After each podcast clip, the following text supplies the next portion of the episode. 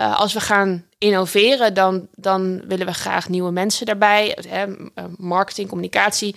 Als we het een beetje flitsend kunnen maken, dan, dan vinden we jongeren uh, prettig.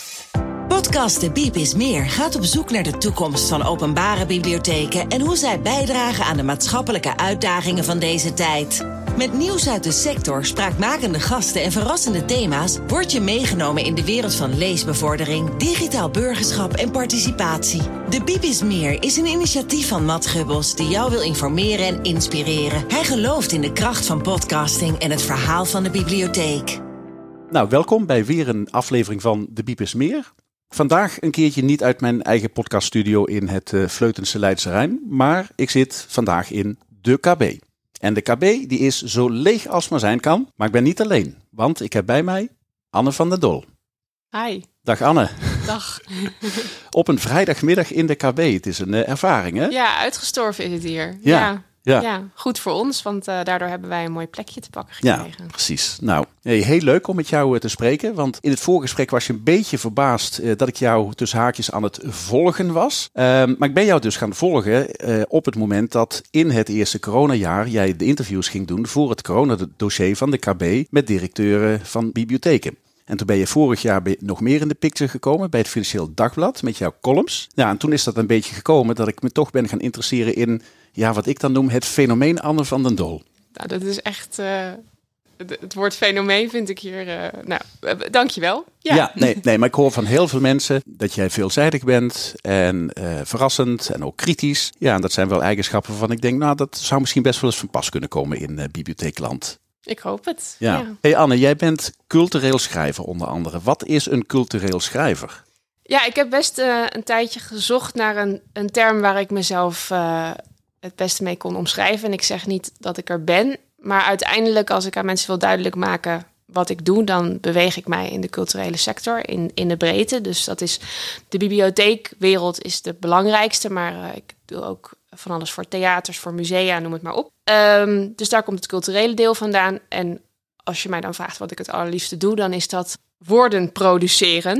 Um, en dan, uh, nou, bij voorkeur op papier. En uh, nu maak ik voor jou een, uh, een welkome uitzondering. Dus de, uiteindelijk nou, schrijf ik graag zelf, redigeer ik ook graag de woorden van anderen en, en giet ik ze in, in de vorm die het meest geschikt is. Dus dat zou een interview kunnen zijn, het zou een column kunnen zijn, dat zou een social media post kunnen zijn, poëzie of nou ja, noem het maar op tot en met een script, want je bent zelfs nu met televisie bij betrokken. Ja, ja ik mag scripts schrijven voor het mooie kunstprogramma Nu te zien. Ja, dat is weer een heel andere tak van sport, maar past wel binnen de cultureel schrijver. ja, zeker. Ja. Je hebt ook twee romans geschreven. Ja. Toch, hè? zo mag je dat noemen, romans. Ja. ja. Um, we gaan er niet heel te diep op in, want dan zijn we denk ik uh, een aflevering Wil ik het ook verder. heel graag met je over hebben hoor. Ja, maar, tuurlijk. Uh, ja. Dat is iets anders denk ik, ja. Maar in jouw twee romans, hè, waar jij hè, in Achterland hè, de band tussen moeders en dochters benadrukt en waarin je in de vluchthaven het echt hebt over hè, Indo Indonesië en Hanna die hè, op zoek is naar ja, de herinneringen aan, aan uh, opa, zitten daar überhaupt autobiografische elementen in? Uh, ja, um, dat is een heel grappig mechanisme. Uh, uh, hoe het in ieder geval bij mij werkt als, als ik aan het schrijven ben, is dat dat eigenlijk op een gegeven moment helemaal niet zo heel erg meer uitmaakt. Dus in het begin kan ik nog wel denken van jeetje, de echte mensen loeren dan toch wat meer mee over mijn schouder. Maar op een gegeven moment is dat weg. Dan, um, dan is, is, voelt het niet meer als het verdraaien van een waarheid, maar gewoon als het vertellen van een verhaal. En dan heb ik soms de gesprekken met andere mensen nodig om mij ervan bewust te maken dat ik er iets aan heb verzonnen of juist niet. Dus de wens om te weten uh, wat hiervan is uh, echt gebeurd en wat niet, dat die, die vraag komt dan weer om de hoek kijken. En dan uh, ben ik in eerste instantie geneigd om te zeggen: het is één op één de werkelijkheid voor het gemak. Maar dan kom ik al vrij snel door in mijn geheugen te graven achter: nee, dat is helemaal niet zo. Het is. Uh, het is voor een heel belangrijk deel uh, verzonnen. Bij het ene boek wat meer dan bij het andere. Ja, fictie, fictie versus werkelijkheid. Dat is trouwens ook een thema dat bij Maarten het Hart heel erg uh, opspeelt. Dat is mijn favoriete auteur. Uh, ik lees niet heel veel romans, maar als ik romans lees, dan zijn het die van Maarten Dan het Hart. Maarten, ja. Uh, maar nog liever lees ik over het werk van Maarten het Hart. En laatst kwam ik een nicht, een volle nicht van hem tegen. En die zei tegen mij van ja, de manier waarop hij het begrafenis van zijn moeder beschrijft in het boek Maria Magdalena, dat, dat grenst een beetje aan de werkelijkheid zoals zij die beleefd heeft. Ja.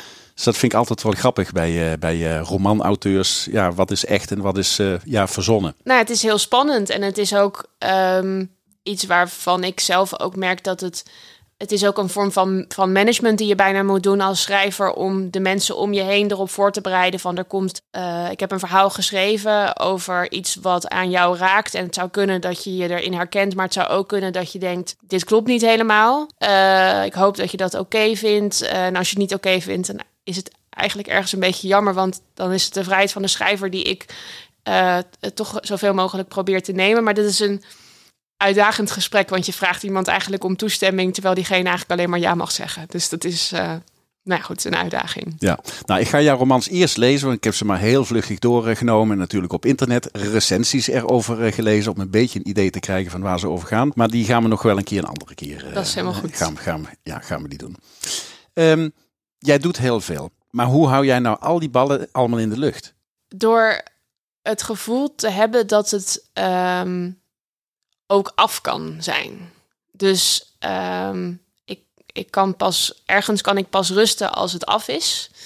Uh, mensen die mij kennen zullen weten dat ik uh, de neiging heb om uh, vrij snel tot misschien zelfs wel direct terug te mailen. En nu hoop ik dat ik niet uh, alsnog hier, uh, hierdoor door de mand val. Maar ik probeer gewoon vooral de dingen snel te doen. Uh, snel gedaan te krijgen, zodat er geen eindeloze lijsten ontstaan van to-do's. Maar nou ja, mensen snel te bedienen, afspraken in te plannen als dat nodig is. Dingen niet te laten liggen.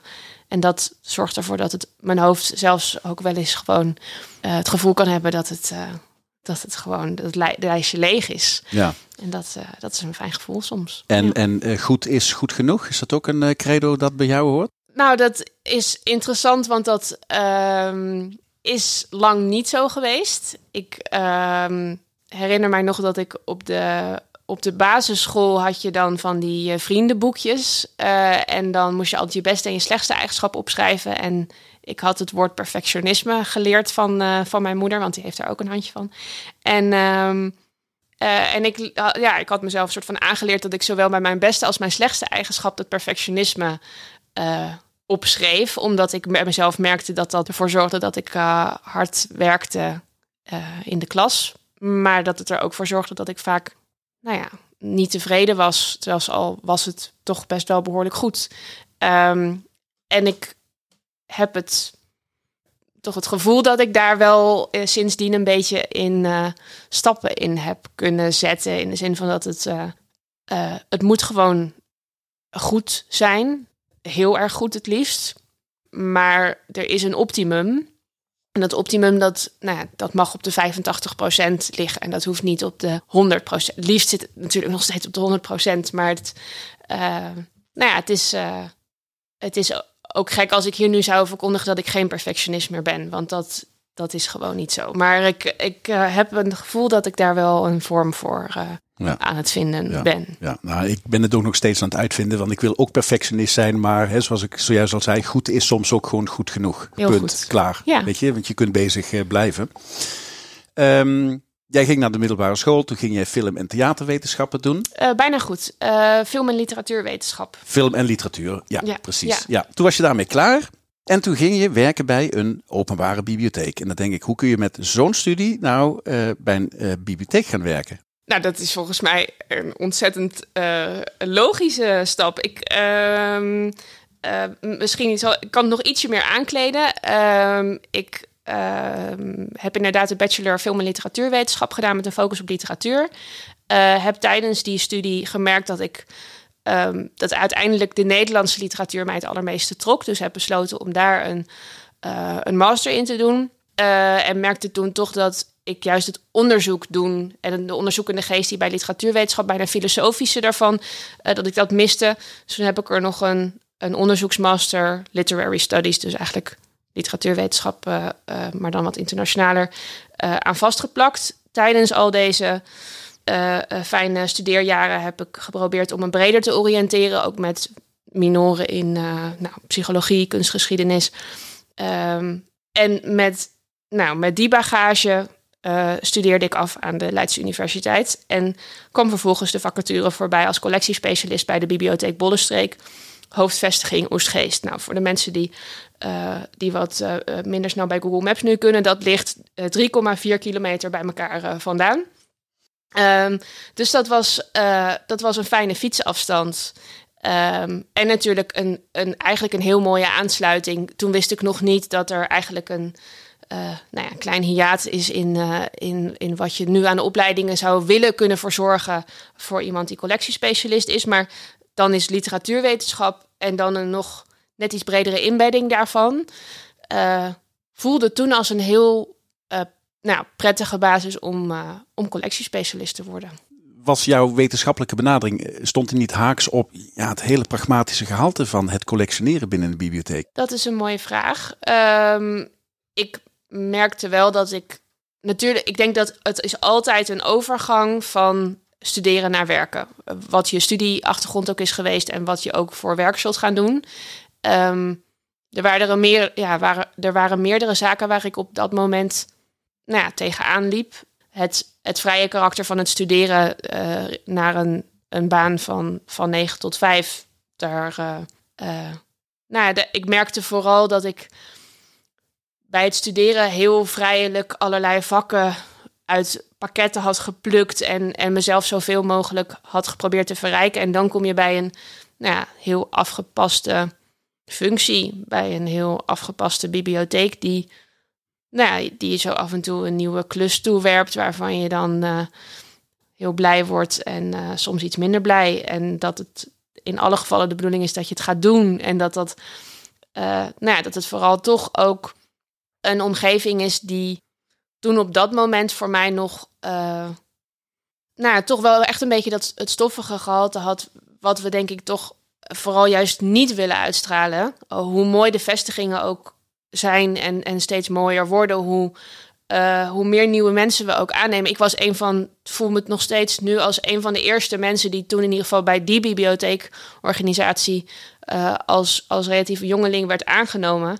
En daar, daar moet een, eerst een basis worden gecreëerd waarin dat goed werkt, waarin ook het, de manier van werken van een uh, jonger persoon goed werkt. En dat, is, dat vergt tijd en dat uh, valt ook niemand kwalijk te nemen, maar het is wel uh, belangrijk om iemand daar op zijn plek te laten voelen. Uh, ja, ja. Dat, ja, je snijdt hier heel veel HR-achtige issues aan binnen de sector. Hè? Want ja, de grote stroom van vergrijzing is gaande. Dus de grote uitstroom van hè, de, de, de 60-plussers, die moet nog plaatsvinden. Ja. Maar ja, hoe krijgen we die jongeren dan die biep in? Ja, dat is. Dat, ik, zie dat, nou, ik zie die uitdaging en ik zie ook dat um, dat er veel.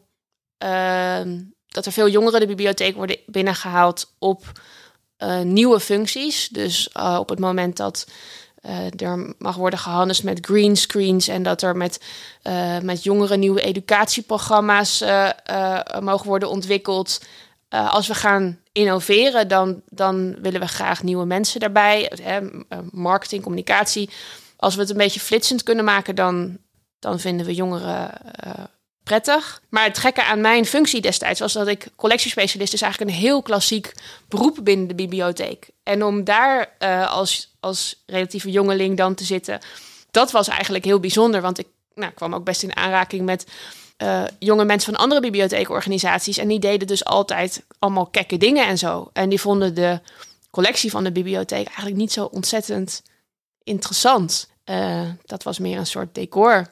Maar ik vond, merkte steeds meer dat dat juist misschien wel dus mijn, mijn bijdrage dan kon zijn. Dat, uh, dat we niet alleen maar de, nou ja, de collectioneur van, van 50 plus horen zeggen hoe belangrijk de collectie is, maar ook de collectioneur van 25. Ja. Dat is uh, ja. misschien soms ook nodig. Ja, en, en, en dan hebben we ook nog te maken met het fenomeen de maatschappelijke bibliotheek. Ja. heeft ja, mijn bijzondere aandacht. Want als je die maatschappelijke bibliotheek probeert uit te tekenen. En zeker zoals Jos erbij dat in de eerste aflevering probeerde neer te zetten. van een bibliotheek die veel meer is dan alleen maar boeken. Mhm. Ja, waar, waar, waar, waar gaat dan zo'n zo'n collectie van een maatschappelijke biep eigenlijk naartoe? Ja, en dat is de, nou, het zaadje wat ik nu toch echt bij zoveel mogelijk mensen probeer te planten. Nou ja, iedereen die me het woord geeft, uh, die, die zeg ik denk ik dit. Uh, onze uitdaging wordt om de collectie onderdeel te maken van die maatschappelijk educatieve bibliotheek. En daar hebben we allerhande handvatten voor. We kunnen uh, intensiever samenwerken tussen collectie en programmering. We kunnen Ehm, de digitale collectie van de bibliotheek nog veel mooier voor het voetlicht brengen. We kunnen in onze catalogie, onze online aanwezigheid, kunnen we de collectie een, een belangrijke rol geven. Uh, en zo valt er nog veel en veel meer te doen om die collectie de urgentie te laten houden en nog meer te geven nou, die nu heeft en die die ook echt moet, moet behouden. Maar het laatste wat we denk ik willen is uh, het hele collectieaspect van onze openbare bibliotheken aan de kant schuiven. En je, dat hele, de metafoor van de boekenkasten gaan aan de kant. Uh, dat klinkt uh, alsof het feest wordt. En het, het is ook logisch dat het op plekken gebeurt. Hè? Want een bibliotheek heeft een bepaald aantal vierkante meters. En als er een podium komt en er komen cursusruimtes en er komt van alles, dan, dan, ja, dan, dan staan er nu heel veel boekenkasten uh, in de weg tussen aanhalingstekens. Um, en, en wat moeten we met die boeken? Dan zijn ze opeens ballast geworden, terwijl ze uiteindelijk de, de kern zijn van wat een bibliotheek is. En interessant genoeg, als je kijkt naar wat mensen uh, zeggen op het moment dat ze gaan nadenken over de bibliotheek van de toekomst, dan komen daar eigenlijk, vind ik, zie ik twee dingen gebeuren. Namelijk enerzijds uh, zeggen mensen eigenlijk allemaal dingen die de bibliotheek nu ook al doet. Dus het, de bibliotheek van de toekomst is een ontmoetingsplek. En het is een plek waar, uh, nou ja, waar mensen voor die greenscreens kunnen dansen. En waar ze, nou, daar hebben we allemaal, het is een monitor van de stad. Nou, dat zijn allemaal dingen die, die we nu al heel mooi aan het ontwikkelen zijn. Maar als we kijken naar die bibliotheek van de toekomst, dan wordt er tegelijkertijd ook een heleboel geroepen waarvan ik denk, oh wat grappig, maar dit is voor mij geen bibliotheek meer. Uh, de bibliotheek zonder boeken is dat eigenlijk wel een bibliotheek? Nou, dat is denk ik een heel legitieme vraag. En daar ja. moeten we de komende jaren met elkaar mooie antwoorden op gaan formuleren. Want, want we zien wel toch de, de, de wrijving binnen de kernfuncties uh, zoals die er nu is.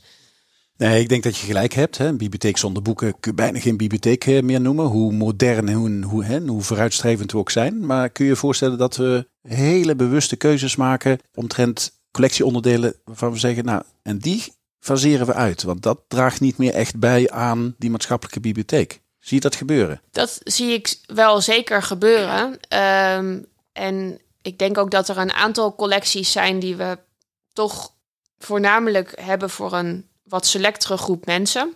En die ons uh, niet per se ook goed past als openbare bibliotheek. Dus dat de samenwerking met een universiteitsbibliotheek daarin bijvoorbeeld heel mooi kan zijn. En dat de vraag misschien zelfs wel kan reizen. Waarom ben je lid van een openbare bibliotheek, maar dan niet ook automatisch van de universiteitsbibliotheek? Waarom ben je niet gewoon lid van de bibliotheken in jouw stad of in jouw land, liever nog? Um, dus ik denk dat er zeker bepaalde collecties zijn die we, uh, nou, die we, die we echt kritisch moeten bekijken. Wat we denk ik niet moeten doen, en dat is, dat is echt een ingewikkelde, is je ziet ook dat op het moment dat je je collectie drastisch gaat verkleinen, dan hou je eigenlijk nog maar een heel beperkt aanbod over. En dan zal de bezoeker zeggen: Nou, hier staan nu drie boeken over, uh, over geschiedenis. Dat vind ik veel te weinig. Laat maar. Ik, uh, ik zie dit niet zitten. Ik keer om. Ja. Uh, dus je kunt, niet, je kunt niet zeggen: we, we, maken de, we houden de collectie als onderdeel van de bibliotheek, maar we doen dat met, met een boekje of 2000 of zo in plaats van 20.000 of misschien wel nog veel meer. Ja, dus ook het uitfaseren van de longtail is ook niet echt een optie. Hè? Je zult altijd iets uit die longtail van, van de minder courante boeken zul je toch altijd wel in huis moeten hebben. Nou, de longtail is een, is een heel interessant vraagstuk, want het, het is een, een zoektocht volgens mij nu van het hele veld hoe we um, de oorspronkelijke uh, pluscollectie um, verdeling zoals die er lange tijd is geweest, hoe we die gaan omvormen naar een, een, een vorm die, die, die beter zijn werk kan doen. En ik zou het heel mooi vinden als we daarin niet uh, allemaal uh, separate magazijnen in lokale bibliotheken gaan onderhouden, maar dat er een centraal magazijn komt uh, waar we, vanuit waar we uh, interbibliothecair leenverkeer kunnen laten lopen. En dat we niet alle lokale bibliotheken gaan belasten met het instand houden van een, uh, van een magazijn.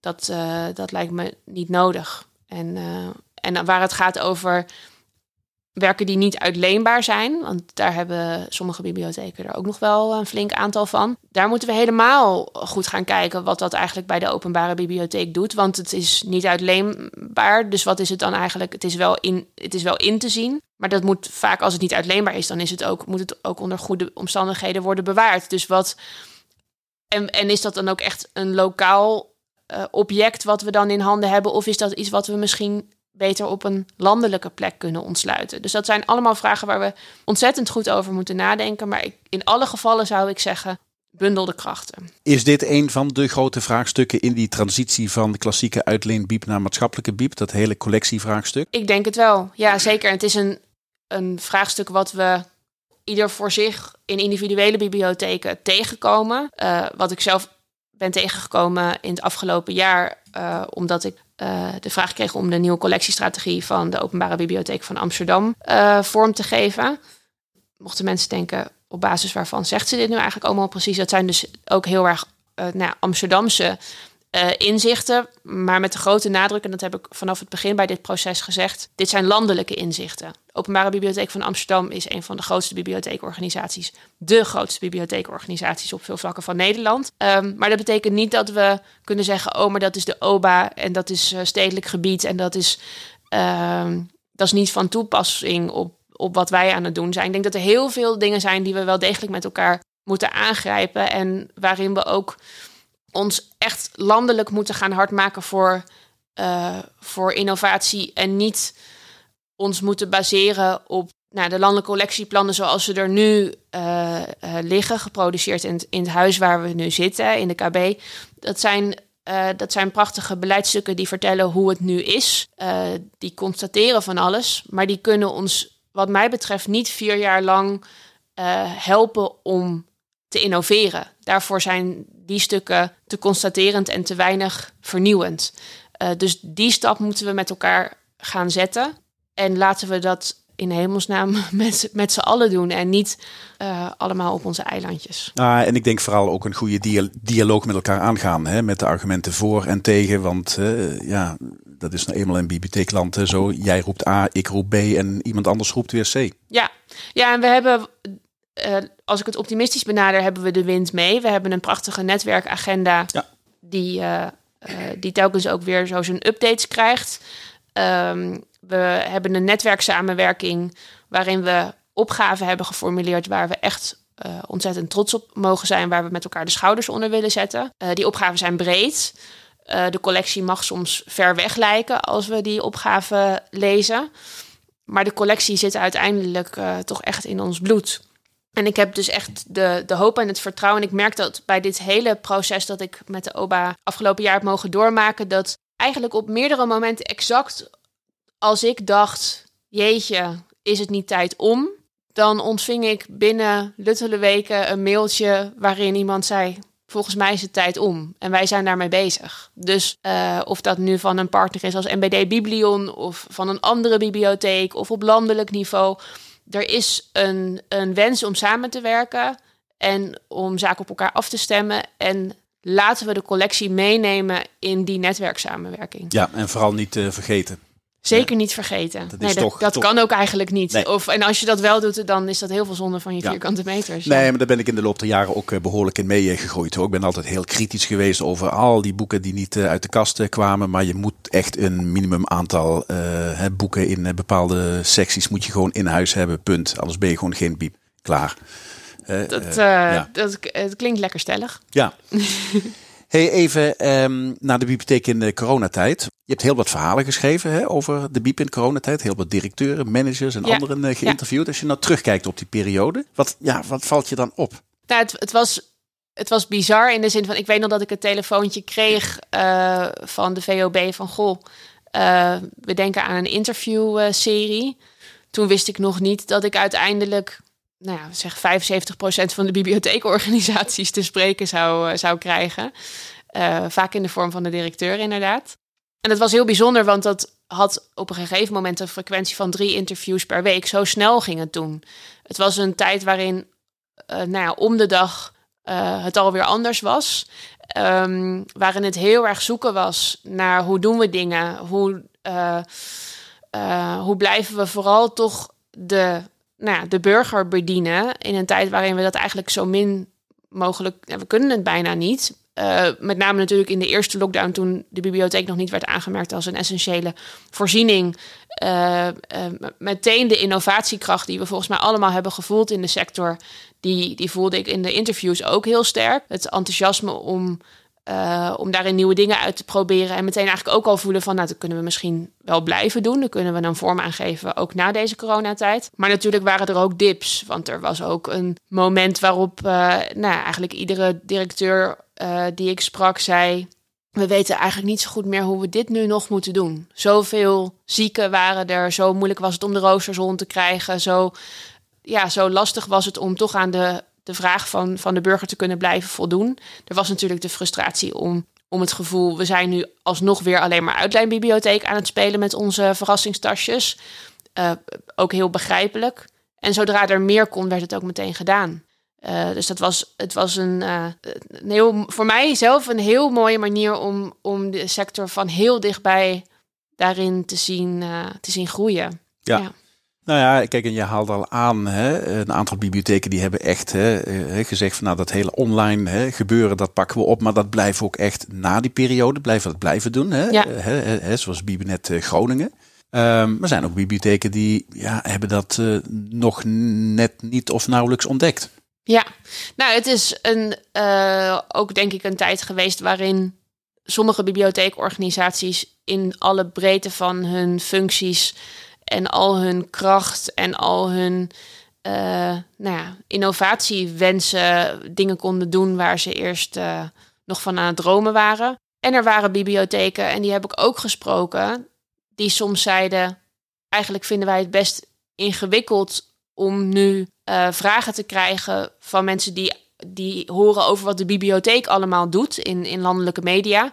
Uh, ondanks alle coronabeperkingen. En, en dat we dan vervolgens als bibliotheekorganisatie moeten zeggen: nee, sorry, dat doen wij niet. Dus er was ook een, een soort van wrijving dat, dat, dat er verwachtingen werden gecreëerd uh, door bibliotheekorganisatie 1, die bibliotheekorganisatie 2 dan maar meer met moeite kon managen. Dus het was ook wel een tijd die denk ik liet zien nou, hoe bibliotheekorganisaties nog steeds van elkaar kunnen verschillen. Ja, ja, ja zeker. Ja, klein en fijn en ja, groot en uh, ja, gigantisch, hè, zeg ik dan altijd maar. Hè? Ja. OBA versus de bibliotheek Meersen. Dat is dan Ja. het voor, voorbeeld dat ik uit coronatijd uh, ken. ja, ja. En, en ja, gewoon fascinerend om te zien ook. Uh, ja, Jos erbij noemde het al, hulpeloos. Hoe hulpeloos heel veel mensen zijn geweest in die periode dat ze die coronatestbewijzen hè, wilden aan laten maken. Ja, ja, zeker. En het is een, denk ik, een uitstekend voorbeeld van wat de bibliotheek allemaal op zich neemt als dat wordt gevraagd. Wat we met, met plezier en met passie en, en, en overgave doen. Maar bibliotheken hebben ook aangegeven in die tijd: het gaat ten koste van iets anders. Je kunt ons niet ook nog eens een keer de coronatestbewijzen uh, laten regelen.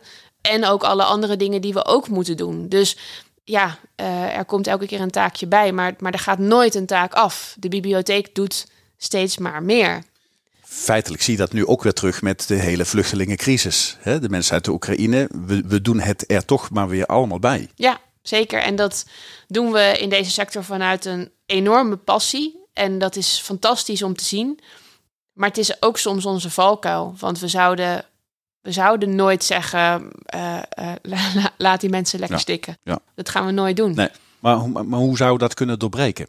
Nou, het, het ingewikkelde is, uh, denk ik, dat uiteindelijk ironisch genoeg zijn de dingen die de bibliotheek nu doet, die niet per se binnen de klassieke functies volgens de wet vallen, dat zijn nu soms enorm succesvolle zaken. Dus uh, de bibliotheek in Amsterdam leent telescopen uit. En die doen het beter dan het gemiddelde boek. Veel beter zelfs. Als je nu een telescoop wil lenen, dan nou, denk dat je er maar ergens in 2023 mag, mag vasthouden. Wauw. Dat, is, uh, dat kan je dan beschouwen als een doorslaand succes. En dat is het natuurlijk uh, ook. Alleen is dat denk ik een voorbeeld van waarom lenen wij telescopen uit? Nou, je kan het, je kan het beargumenteren. Je kan zeggen ja, dat is ja. een, uh, een, een, manier om kennis tot je te nemen en uh, verbreed je wereld. Dus afhankelijk van wat jouw slogan is als lokale bibliotheek kun je zeggen dit pakken we erbij of dit doen we niet. Maar de momenteel worden er wel heel veel zaken, kunnen we op die manier bij ons pakken. Dus het coronatestbewijzen, de check-apps, die, ja, dat gaat over mensen helpen bij digitale zaken. En daar zijn we van. Maar, maar het, het gaat ons op een gegeven moment een keertje toch een beetje nekken, denk ik. Uh, al is het alleen maar in de, in de vertroebeling van wat de bibliotheek nu eigenlijk wel en niet is. En je merkt het nu al, hè, dat mensen eigenlijk het gevoel hebben dat de bibliotheek eigenlijk een soort gemeenteloket is. En dat ze bijna verontwaardigd zijn als ze hun rijbewijs er niet kunnen verlengen. Ja, bijna wel. Bijna wel. Ja. Nou ja, kijk, het voorbeeld dat jij noemt hè, van die telescoop. Ik vind dat hartstikke mooi. Hè. Tien jaar geleden uh, had ik dat een beetje als onzin uh, bestempeld. En tegenwoordig hang ik het onder de categorie, ja, laat duizend bloemen maar bloeien. Maar tegelijkertijd ben ik daar heel erg bezorgd om. Dat als wij maar steeds weer al dat soort uh, bloemen laten bloeien, dat we nooit komen tot ja, één bepaalde aanpak. Hè? Bijvoorbeeld op laaggeletterdheid, op het helpen nou, van Oekraïners. Dan, dan ben ik natuurlijk ook wel heel benieuwd. Wat Um, wat zouden we wat jou betreft allemaal wel en niet moeten uitlenen? Want uh, bijvoorbeeld telescoop zeg je van, nou, laten we het lekker doen. Wat, wat, wat moeten we, uh, waar trekken we uh, de grens? En, en echt nogmaals, met alle, alle liefde voor de OBA en alle, alle waardering voor de inventiviteit en, en, en voor het succes van, van deze uitlening het slippery slope denken wat ik zou kunnen hanteren, ga ik me ook afvragen, wat, als wij een uitleenfabriek weer willen worden, maar dan niet alleen van boeken, maar van allerlei andere dingen, dan kan dat. We kunnen uh, allerlei vormen uh, bedenken waarin, we, uh, waarin mensen dingen bij ons kunnen ophalen en na drie weken weer kunnen terugbrengen. Dat voelt dan heel erg bibliothekerig. Maar dat is dan in feite zijn we dan een, een, een deeldienst. Ja. Supergoed, maar is geen biep. Nou ja, kijk, jij vraagt aan mij waar, waar, waar ligt de grens? Ja, die grens die ligt dus bijvoorbeeld ook bij, je kunt tegenwoordig ook mensen uitlenen. Ja, de Human Library is een mooi voorbeeld. Hè, dat is ja. uh, waanzinnig. Hè? Ik, uh, ik uh, leen een dakloze bij wijze van, hè? om het verhaal hè, van die kant eens een keertje mee te maken. Ja, ik vind dat wel mooi. Ja, dat is ontzettend mooi. Maar dat, nogmaals, als je voor jezelf scherp kunt maken, dit is een vorm van kennisdeling en dat is denk ik ook waar de telescoop uh, mooi in beeld komt. Fantastisch. Um, ik sprak uh, vanochtend uh, met enkele leden van de commissie marketing van de VOB. En toen hadden we het ook eigenlijk over dit vraagstuk. En toen gaven zij, vond ik een heel mooi voorbeeld, namelijk de Breiklub. Um, die nou, mag langskomen in, in meer dan één bibliotheekorganisatie in dit land, volgens mij. Veel bibliotheken vragen zich af: is die breiklub nu wel. Hè, is, is de bibliotheek wel de plek voor de breiklub? Uh, ja, want het gaat over ontmoeting. Maar ja, dan, dan kunnen we iedereen van alles laten doen in onze bibliotheek. Ja. Dus dat, dat kan hem toch niet helemaal zijn. Maar als we het hebben over persoonlijke ontwikkeling en leven lang leren, dan is misschien een breiklub uh, waarbij uh, Min en Truus gewoon lekker met elkaar in de biep zitten. Dat is misschien niet genoeg. Zetten we er iemand bij die hen begeleidt en die hen verder helpt om beter te breien, dan hebben we misschien wel ja. alweer iets. Ja. Dus, um, dus bedenk wat je als bibliotheek wilt zijn. En, en kijk vervolgens of er dan dus bepaalde aanpassingen moeten worden gedaan in het aanbod wat je hebt. En misschien ontdek je ook wel allerlei nieuwe dingen. En het allermooiste zou natuurlijk zijn als we daar landelijk een beetje met elkaar uitkomen. Hoe verschillend al die bibliotheken ook zijn. Ik weet nog op mijn nou, mijn allereerste sollicitatiegesprek uh, uh, bij de bibliotheek Bollenstreek weet ik nog dat ik vroeg: kunnen jullie me uitleggen hoe het zit met die oranje logo's? Ja. um, omdat ik echt als, een, als, een, als consument oprecht niet begreep waarom de OBA dat logo wel op de uh, gevels heeft. Of waarom de OBA het niet heeft. En waarom de Bibliotheek Bollenstreek het wel heeft. Inmiddels weet ik, nou, sommige uh, uh, bibliotheekorganisaties conformeren zich aan de landelijke huisstijl. Anderen doen dat minder. en, maar dat betekent niet dat ze geen onderdeel zijn van het landelijk bibliotheeknetwerk. Nou, wat doen ze dan precies allemaal samen, et cetera, et cetera. Maar voor de consument is dat, is dat helemaal niet duidelijk nou ja, daar mogen we ons, denk ik, soms wel wat meer bewust van zijn. Ja, nou, ik vind het heel mooi. En, en ik vind het ook heel moedig dat je op deze manier langs de kritische grenzen van het bibliotheekvlak uh, paradeert. Hè?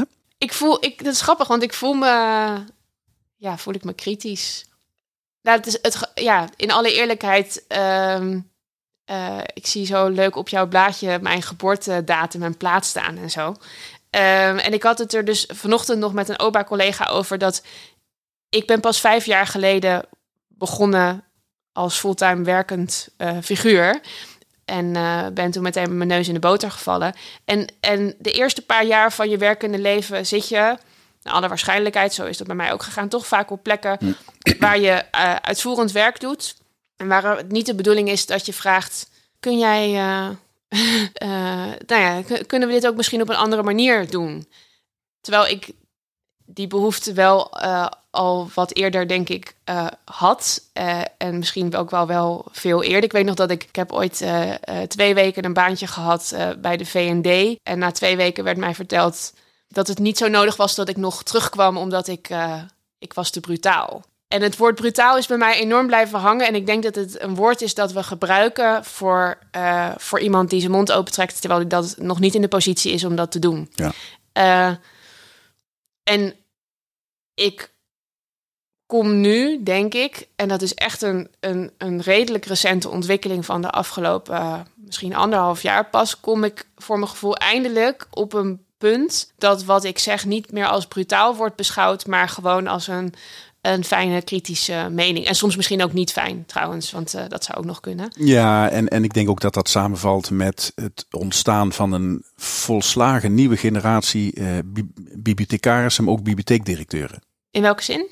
Nou ja, ze worden steeds jonger, ze komen steeds vaker van buitenaf, hebben vaak niet eens een uh, bibliotheek- of boekenachtige opleiding. Ja, en dat brengt toch wel, vind ik, veel nieuw fris bloed binnen. Ja, ja, nee, dat is eh, zeker mooi om, om te zien. En het, de grote kunst waar we natuurlijk met elkaar voor staan in deze sector is om, om die mensen die nu de bibliotheekbranche binnenkomen, om die de bagage te geven waarmee ze beslissingen kunnen nemen die ons uh, vooruit helpen. En die geschiedenis van de bibliotheek is denk ik belangrijk.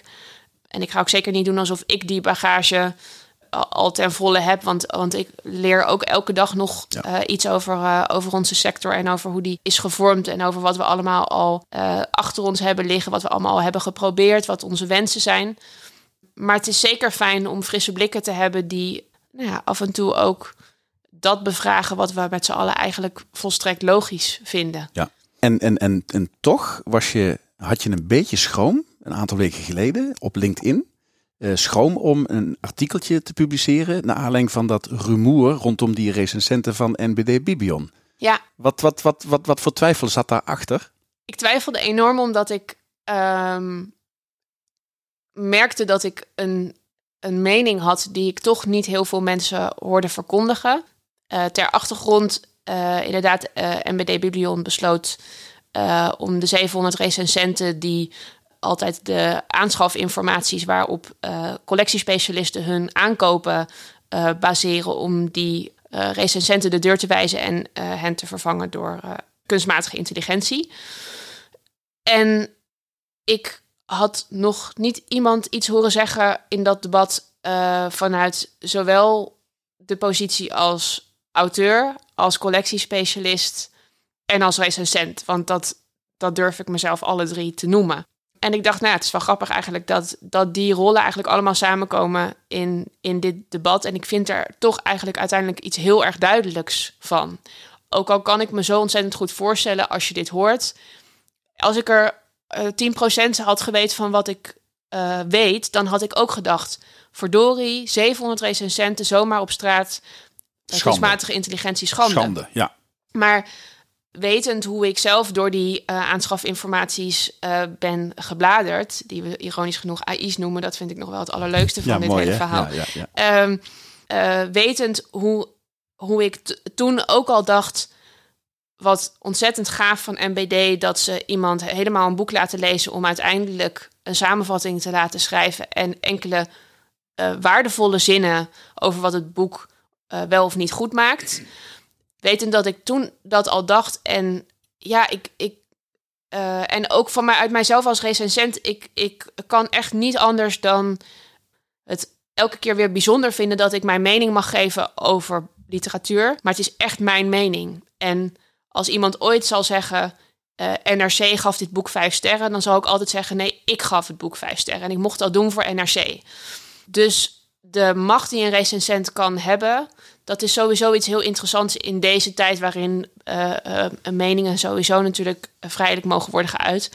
Maar het, het, ik vond het altijd al bijzonder dat, je, dat er zoveel, eigenlijk zoveel macht dan ligt bij één persoon die kan zeggen: Dit boek is niet goed. Want het is echt, het gaat over 1200 bibliotheken in heel Nederland die dan wel of niet dat desbetreffende boek gaan aanschaffen. En dat is, het is gewoon niet nou, wat mij betreft niet nodig om daar een, om een mening op, in binnen die AI's te zetten. Je mag een samenvatting geven en op basis daarvan kan iemand bepalen: dit is een uh, boek dat geschikt is qua thematiek voor onze leden. Dat klinkt mij uitstekend in de oren, maar daar heb je dus niet per se een recensent voor nodig. Nee. Nee, maar dat geldt ook voor recensies op internet. Ik kwam laatst het boekje, dat hele kleine schattige boekje van Erik Scherder kwam ik tegen. Hè. Mhm. Hersenen willen lezen. Hè. Alleen al de titel, hè, die spreekt aan. Maar toen zag ik een aantal vernietigende recensies van, van, van gewoon willekeurige burgers. En die hebben mij toch belemmerd toen om dat boekje aan te schaffen. Maar toen zag ik hem laatst in de Bruna, doorgebladerd. En dat is dan mijn manier van aankoopbeslissingen nemen. Ja.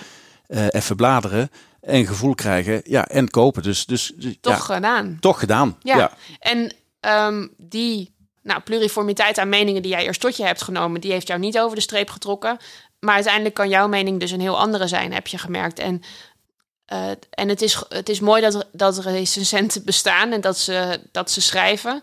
Uh, ik zou mezelf ook niet uh, de deur willen wijzen, maar laten we die recensies alsjeblieft nemen voor wat ze zijn. Namelijk één mening van één nou, nou, je mag hopen, heel deskundig persoon. En als je ziet wat voor winst er te behalen valt binnen de, binnen de hele stroom die MBD moet doorlopen om een boek uh, ingewerkt en wel bij een bibliotheek te krijgen, is de winst qua tijd die hiermee wordt geboekt, is denk ik is ontzettend veel waard. Maar je oorspronkelijke vraag was waarom ik er schroom bij voelde om dit ja. uh, bericht online te zetten. Nou, omdat ik toch dacht, hier ga ik wel mensen mee voor het hoofd stoten. En ik, ik prijs mezelf gelukkig dat ik geen talkshow gast uh, ben om de week. Ik ben heel blij dat ik nou ja, van alles mag roepen en dat, uh, dat ik niet de hele dag in de gaten word gehouden of dat allemaal wel woke is of niet. Maar in alle eerlijkheid ben ik uh, best af en toe wel eens bang. Want ja, als zelfstandige hoef ik maar één ding verkeerd te zeggen en uh, de afbeltelefoontjes kunnen komen. Zo voelt dat voor mij toch wel een beetje. En ik heb wel gedacht, ja, de bibliotheeksector is mijn belangrijkste opdrachtgever. Het zou toch vervelend zijn als ik, uh, als ik telefoontje na telefoontje moet incasseren na dit bericht. Dus ik dacht, ik, ik laat in ieder geval weten dat ik, uh, dat ik twijfels voel voor ja. delen. Nou goed, ik vind uiteindelijk dat je het heel genuanceerd gedaan hebt. Maar als we even door proberen te trekken, hè, die hele ontwikkeling AI. Hoe, hoe ver kan die gaan in, in boekenland, in bibliotheekland? Nou, eigenlijk hebben we denk ik al heel lang een heel grote wens om AI een grotere rol te laten spelen. Misschien moeten we zelfs nog een stukje verder terug. We hebben de mogelijkheden van digitale technologie ook nog even buiten AI om, want dat klinkt altijd heel futuristisch. Die mogelijkheden hebben we nog lang niet uitgespeeld. Ik Klopt. bedoel, uh, bol.com raadt uh, een stuk beter boeken aan om te lezen uh, dan wij dat als bibliotheeksector doen. Je kunt in Google duizenden keren makkelijker zoeken naar de juiste informatie dan in onze bibliotheekcatalogie. En dat is, dat is iets waar nog geen enkele vorm van AI bij aan, aan te pas hoeft te komen om dat te verbeteren. Maar daar staan we nu. Dat betekent niet dat we misschien niet al stiekem een heel klein beetje vooruit kunnen kijken naar wat kunstmatige intelligentie uh, kan doen. Maar laten we onszelf daarbij alsjeblieft niet een, een, een, een een of andere bizarre wereld aanpraten waarin alles automatisch gaat. Uiteindelijk is kunstmatige intelligentie niets meer en niets minder dan een computer die op basis van de informatie die je geeft zelf kan gaan doorleren. En dat is heel mooi. En afhankelijk van, dat hebben we ook bij, bij dit MBD-vraagstuk gezien, afhankelijk van hoeveel je voert en hoe vaak je bijstuurt, kun je uh, ervan uitgaan dat er iets moois uitkomt. Maar we blijven in dit soort discussies vaak hangen in het idee van we gooien er iets in en er komt iets stoms uit. Nou, dat is toch vervelend.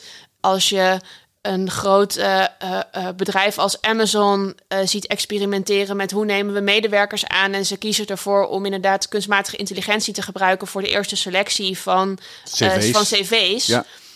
dan zie je inderdaad, hé, hey, wat gek, er worden heel veel mannen uitgepikt, want er werken niet zo heel veel vrouwen bij Amazon. Oei. Ja. Dat is omdat we er dingen hebben ingestopt die een bepaald idee geven van wat goed is. En we hebben niet goed genoeg bijgestuurd toen we erachter kwamen dat, uh, dat er veel mannen uit de bus kwamen. Ja. Dus uh, we, we moeten onze eigen verantwoordelijkheid nemen in hoe we met AI omgaan. Ja, zeker. Want als mens hebben we gewoon nog steeds invloed op het algoritme. Wij kunnen dat aanpassen. Ja. Het wordt pas echt eng als het algoritme uh, een ander algoritme gaat aanpassen. Ja, want Precies. dat was het vergezicht dat Patrick Laan in de vorige aflevering uh, schetste. Ja, nee, en dat is, uh, dat is ook zeker uh, geen, geen gekke angst, want we zien het gebeuren. dus de, als we de, de, ketens elkaar laten beïnvloeden, dan ontstaat er een zelfversterkend mechanisme waar we niet blij van worden. En dan werken er binnenkort helemaal geen vrouwen meer bij Amazon, om het even radicaal te schetsen. maar als het over de bibliotheeksector gaat, denk ik dat we dat we nog naar allerlei vormen van technologie op zoek zijn om, om onszelf te verbeteren. We zijn denk ik heel erg bezig met het vraagstuk hoe komen we meer te weten over de mensen die ons bezoeken. We weten veel over onze leden, want die schrijven zich in en die vertellen van alles aan ons. Maar de mensen die bij ons binnenkomen wandelen, uh, die willen we niet onder een scanapparaat leggen. Uh, maar we willen wel eigenlijk heel graag weten wat hun, wat hun wensen en behoeftes zijn en wat ze ook kunnen komen brengen uh, in de bibliotheek om onze diensten beter te maken. En we willen heel graag weten wat voor abonnementsvormen we het beste aan mensen kunnen aanbieden, zodat ze uh, zo lang mogelijk bij ons blijven. Dus uh, we willen ervoor zorgen dat iemand die een bepaalde activiteit heeft bezocht, vervolgens bepaalde boeken aangeraden krijgt die, die misschien wel heel erg gaaf vindt. Ja. Dus ja, de mogelijkheden zijn eindeloos, maar we zijn uh, nou ja, we zijn er nog niet. Nou ja, laten we dan zeggen, lang leven de AI's die op dit moment de AI's uh, hè, mede vormgeven. Zoiets. Dat vond ik wel een mooie, mooi bedenksel eh, van jou. Hey, tot slot even. Hè. Uh, het lijkt erop dat we nu in een echte leescrisis uh, beland zijn.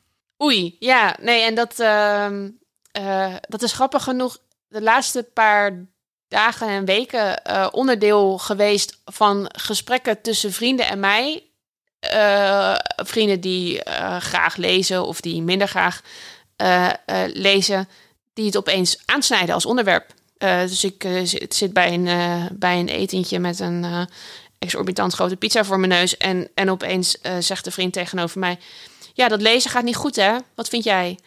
En dat is iets nieuws voor mij. Dat, dat we niet alleen maar van leesliefhebber tot leesliefhebber binnen de bibliotheeksector op professionele basis tegen elkaar zeggen: leescrisis moet anders.